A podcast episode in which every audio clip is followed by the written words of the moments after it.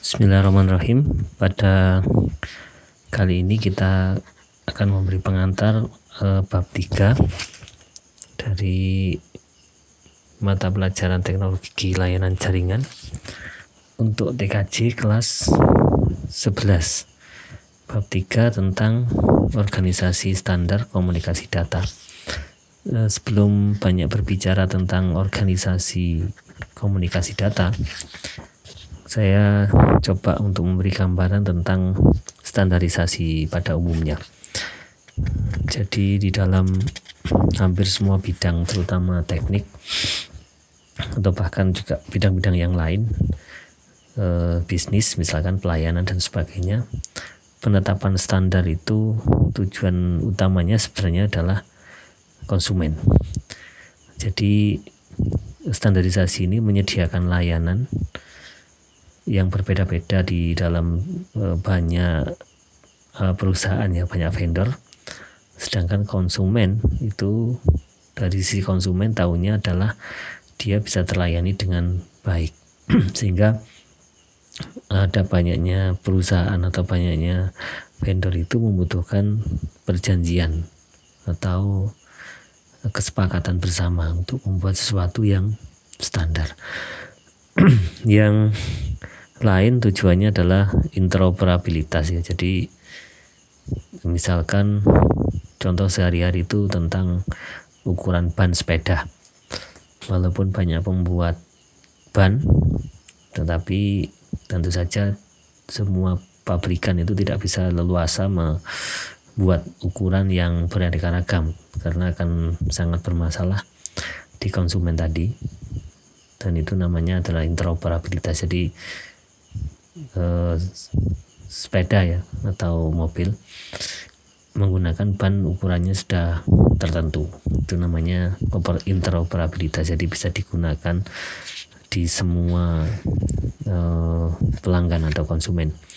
Demikian juga di dalam kasus komunikasi data. Tentu hal ini atau bidang ini sangat banyak aspek yang memerlukan standar bahkan bisa dikatakan tanpa standarisasi antar sesama e, penyedia tersebut maka bisa kita bayangkan betapa ribetnya hmm, teknologi yang digunakan di semua perangkat itu.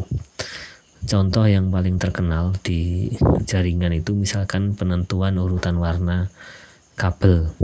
Jadi biasanya di kelas 1 kita akan bertanya-tanya kenapa kabel UTP itu yang nomor satu harus putih oranye gitu kemudian oranye dan seterusnya sampai delapan.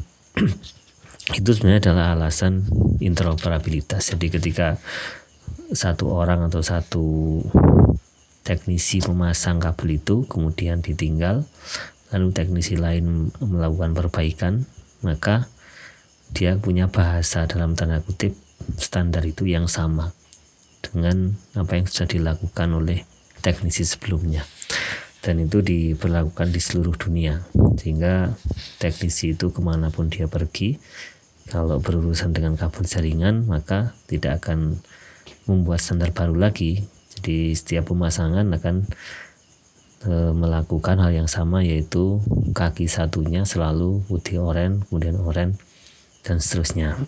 Itu itu sekilas tentang uh, standarisasi di komunikasi data.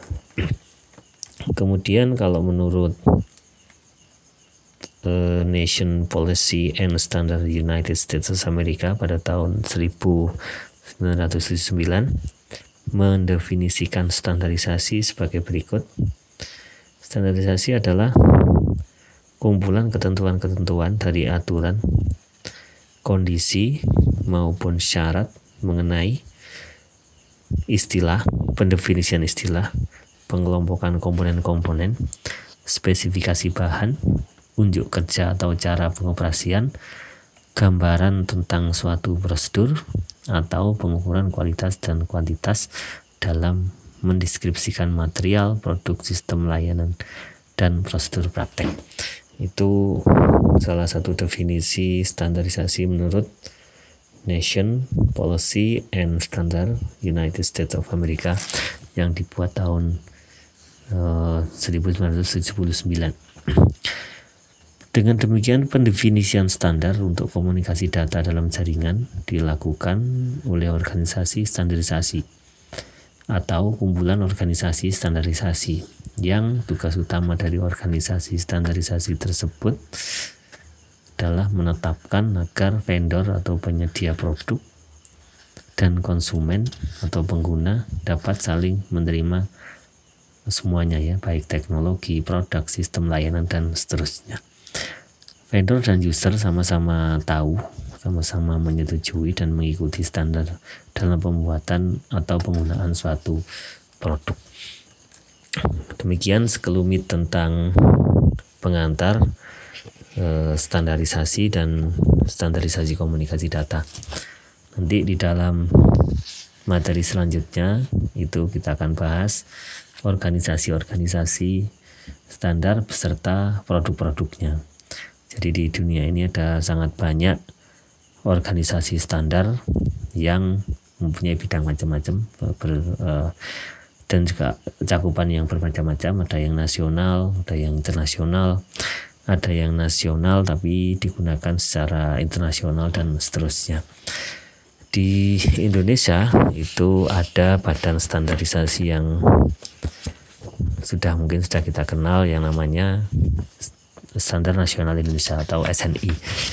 Nah, di Indonesia badan inilah yang menetapkan berbagai macam standar, tidak hanya komunikasi, tapi semua terkait dengan standar yang digunakan di Indonesia. Kalaupun tidak menetapkan sendiri, biasanya SNI itu mengadopsi ya untuk ditetapkan ulang sebagai bahwa standar ini bisa digunakan di Indonesia begitu. Demikian ada kurang lebihnya mohon maaf sebagai pengantar standar komunikasi data.